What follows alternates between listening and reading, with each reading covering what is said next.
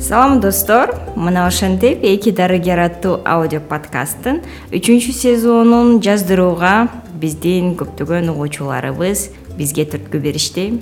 Бизди угуп бизге дем берген үчүн чоң рахмат адаттагыдай эле сиздердин алып баруучуларыңыздар. Мен житимишева бегимай жана исмаилов эрмек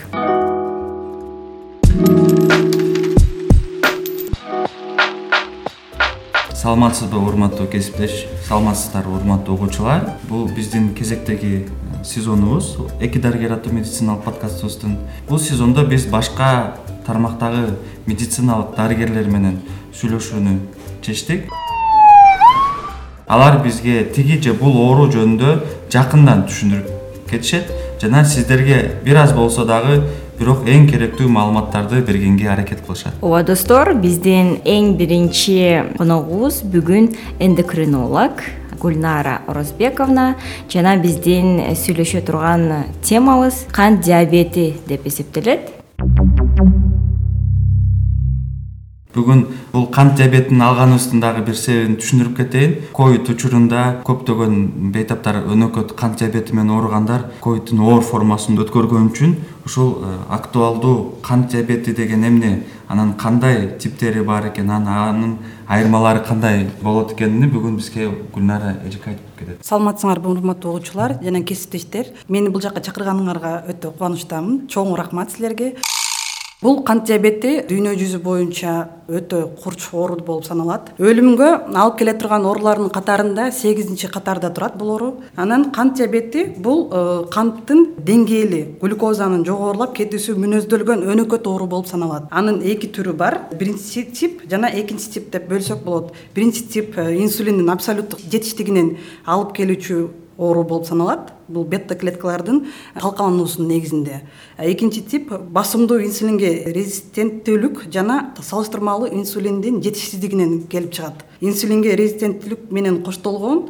же коштолбогон инсулиндин секрециясынын басымы түрдө бузулушу болуп саналат жана башка типтеги кант диабеттери бар. Ал генетикалык оорулар менен э, же башка эндокриндик оорулар менен коштолуп жүрөт. Жана кош бойлуу аялдарга тиешелүү гестациондук кант диабеттер бар. Сиз биринчи жана экинчи типи бар деп айтып кеттиңиз. Биринчи типи менен жана экинчи типи менен канча жаштагы адамдар оорушат? Ошону айтып кетсеңиз биринчи тип менен э, жаш курак көбүнчө отуз жашка чейинки пубертаттык чокусунда болгон жаш курагында оорушат э, экинчи типте болсо отуз беш жаштан жогору жогору э, оорулар оорушат биринчи типтин башталышы өтө курч болот а экинчи типтики акырындап башталат. Биринчи типтеги салмагы түшүп кетет экинчи типте болсо көбүнчө салмагы оор болот семиз болуп саналат да жынысы биринчи типте көбүнчө эркектер аутоиммундук оору болуп саналган үчүн көбүнчө эркектерде кездешет. А экинчи типте көбүнчө аялдарда кездешет бул ооручу азыр мындай караганда статистикага караганда эркектер дагы аялдар дагы бирдей ооруп баштады. Айырмачылыгы болсо бул жерде биринчи типте көбүнчө тукум куучулук болуп саналат. Экинчи типте бул туура тамактанганда эмес же болбосо кыймыл аз болгондо же болбосо кандайдыр э, башка оорулардын негизинде келип чыга турган оору болуп саналат.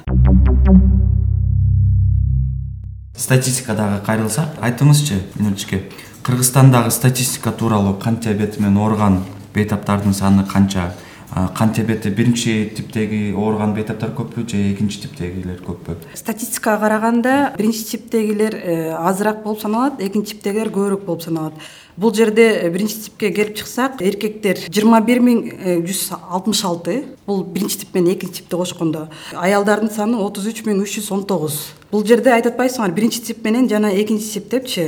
Биринчи типте э, бул жерде эркектердин саны көбүрөөк болуп саналат аял кишилерге караганда. Дагы бир суроо берип кетким келип атат. Кант диабетин биринчи типи экинчи типке өтүп кете алабы? Кант диабетин биринчи типи экинчи типке эч качан өтпөйт. Биринчи типте азыр эле айтып атпайбызбы бул бул баягы бета клеткалардын деструкциясынын айынан болот а экинчи тип бул кырк беш отуз беш жаштан кийин салмагы чоң кишилерде кездешет. Биринчи типте өзүнүн эле сразу эле белгилери бар. Ал курч кездешүүчү болуп. А бул жерде э, акырындап э, башталган үчүн экинчи типке өтпөйт түшүнүктүү. А мына айтыңызчы медик эмес дарыгер эмес элдер үчүн кандайдыр бир клиникалык белгилер болот болуш керек. Алгачкы медициналык клиникасы туурабы? Кайсынысы биринчи кездешет? Биринчи болуп клиникасында суусоо адам күнүнө эки литрге чейин эле суу ичсе бул жерде беш литрге чейин суу ичиши мүмкүн. Ооз кургоо. Ооз кургоо суу ичсе деле ооз кургоо кургаган сезими кетпейт. Анан заара кылуу заара кылуусу күндүзү аябай көбөйөт түндөсү дагы түндөсү дагы үч төрт жолу чыкканга туура келет бул ооруларгачы. Анан денесинде жаралардын айыгышы айыгышы бир аз кечирээк анан дененин кытышышы дененин кургоосу эске тутумдун төмөндөшү. Анан түндөсү уктабай күндүзү уктап шалдырап алсыз болгону бир суроо бар элеби ушул кант диабетине байланыштуу. Кант диабети атадан балага берилеби. Кант диабети атадан балага берилиши мүмкүн. Бул элүү пайыз түзөт. Биринчи типтеги кант диабетин алдын ала албайбыз. Атасы ооруса деле баласы оорубай калышы деле мүмкүн атасы ооруп же чоң атасы ооруп э, бала ооруп калышы мүмкүн. Буга э, стресс деген бар анан факторлор бар. Ар кандай факторлор э, ал ооруга таасир этиши мүмкүн. Вирустук оорулар ошол эле грипп анан грипптин түрлөрү бар да. Ошолор менен ооругандан кийин деле бала ооруп калышы мүмкүн. Негизи бул уже генинде калтырылган информация болуп саналат. Ошон үчүн оорушу мүмкүн бирок оорубашы деле мүмкүн. Бул организмдин өзүнүн иммундук системасына иммундук байланыштуу. Ооба айтты го башында эле генетикалык жол менен берилиши мүмкүн деп э. Дагы бир суроо берейин дедим эле сизге. Биринчи тип дедиңиз э. Эгер эне боюнда болгон кезде эгер ошол эле вирустук ооруларды ооруса анда сахарный диабеттин э, биринчи типи болушу мүмкүнбү эгер э, кош бойлуу аял вирустук оору менен ооруп бала төрөлгөндө э, сахарный диабет менен төрөлүшү мүмкүн деген суроо болуп атат э бул андай болушу мүмкүн эмес. Себеби бизде баланын өзүнүн чел кабыгы бар. Чел кабыктан вирустан сактайт. А эне сахарный диабет болуп ооруса анан эненин уйку бези талкаланган болсо баланын энеси жатырында жатканда э, баланын дагы уйку бези иштеп баштайт. Ошондо аябай э, өтө иштеп баштаганда деструкция болуп кетиши мүмкүн баланын. Ошондо төрөлгөндө ал э, кант диабети менен кошо төрөлүшү мүмкүн. Грипп или башка вирус оорулар менен ооруган эненин кант диабети төрөлүшү мүмкүн эмес кийинки сурообуз бизден бул оорунун өөрчүсү жөнүндө айтып берсеңиз бара бара өөрчүйт болуш керек. Бул оору негизи э, кан тамырларды жабыркаган үчүн э, чоң кан тамырлар жана майда кан тамырлар бар биздин организмде билесиңер да. Ошо именно чоң кан тамырларды жана майда кан тамырларды жабыркаганда э, көз майда кан тамырларга кирет көз жабыркашы мүмкүн көздүн көрүүсүн төмөндөтүшү мүмкүн. Же ошондон ары сокурлукка алып келиши мүмкүн. Бөйрөк ооруларында бөйрөктүн өнөкөт ооруларына алып келет дагы ал барып барып гемодиализге чейин алып барышы мүмкүн. Таманда болсо таман диабетикалык гангрена алып келиши мүмкүн. Анын себебинде ампутация кылышы мүмкүн. Анан жүрөк оорулары. Жүрөк ооруларында баардыгыбыз эле билебиз инфаркт деген ооруну э, бул э, жүрөктүн булчуңдарынын өлүүсүнө келтире турган оору кант диабетинде аялдар дагы эркектер дагы бул оору менен ооруйт. Негизи инфаркт эркек кишилерде кездешет. Анан инсульт инсульт деген бул э, биздин мээ кан тамырлары жарылып кетишинин натыйжасында же ошол жердеги ишемия деген ишемия деген ал кан тамырлардын өлүшүнө алып келген оору болуп саналат кысылышы. Ошонун негизинде да келип чыгышы мүмкүн. Анан мээде бул баштапкы этапта энцефалопатия деп коет глюкозанын э, токсикалык таасирдүү тийгизгенинде энцефалопатия пайда болушу мүмкүн. Жана бул денеде фурункул карбункул деген оорулар бар. Ошолорду дагы алып келиши мүмкүн. Тырмактардан тырмакта грибковый грибоктор болушу мүмкүн чачтардын түшүшү мүмкүн. Негизи кант диабети мындай караганда тырмактан баштап чачка чейин жабыркатат чоң рахмат жообуңузга жанагы бул жерде бир суроо айтып кеттиңиз эле өөрчүтпөш үчүн кандай кадамдарды кылыш керек? Бул үчүн атайын адамдар атайын бир мектепке барабы же баягы интернет маалымат баракча алып кант диабети тууралуу. Атайын бир үйрөнүш керек деп ойлойм да анан биз экөөбүз сүйлөшүп калгандай эле бишкек шаарында атайын диабетиктердин мектеби бар турбайбы. Ошол жөнүндө кененирээк маалымат берип кете аласызбы? Бишкек шаарында эндокриндик диспансерде анан улуттук госпиталда эне жана бала коргоо борборлорунда школа диабета деп коет э, диабеттин мектеби. Ал жака барып э, биздин бейтаптар э, ошо өзүнүн оорусу жөнүндө өзүнүн ошо турмуш тиричилигинде колдоно турган маалыматтарды алса болот. Жана ошол алдын алуу максатында колдоно турган ыкмаларды ошол мектептен үйрөнсө болот.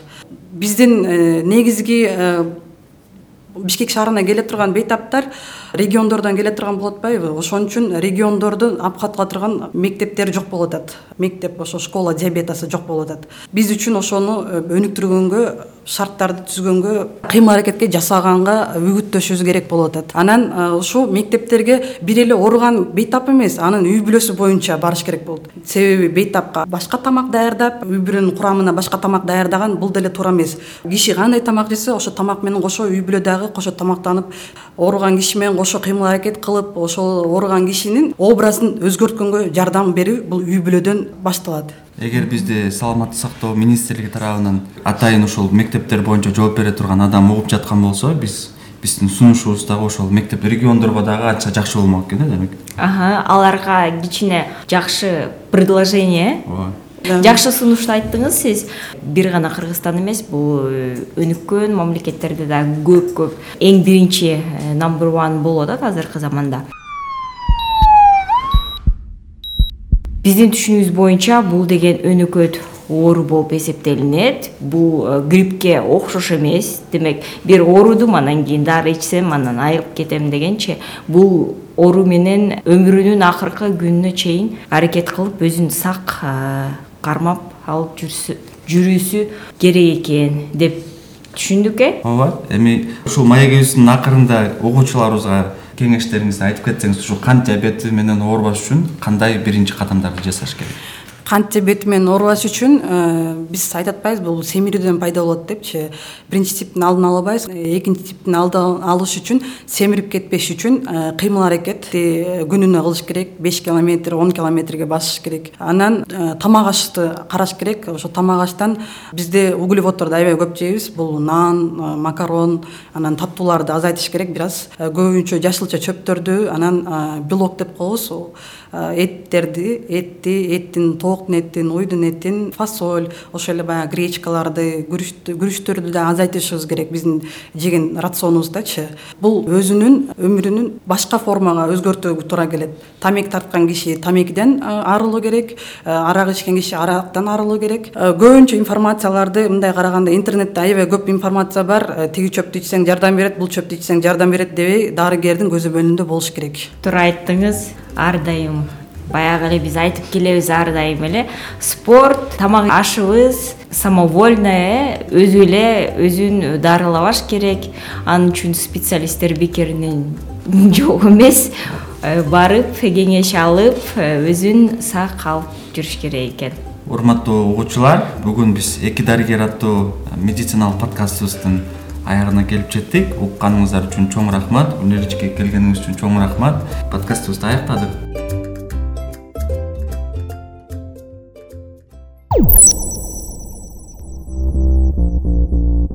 подкаст iwprдын борбордук азияда жаңы медиалардын жана санарип журналистиканын өнүктүрүү аттуу долбоорунун алкагында ишке ашырылды.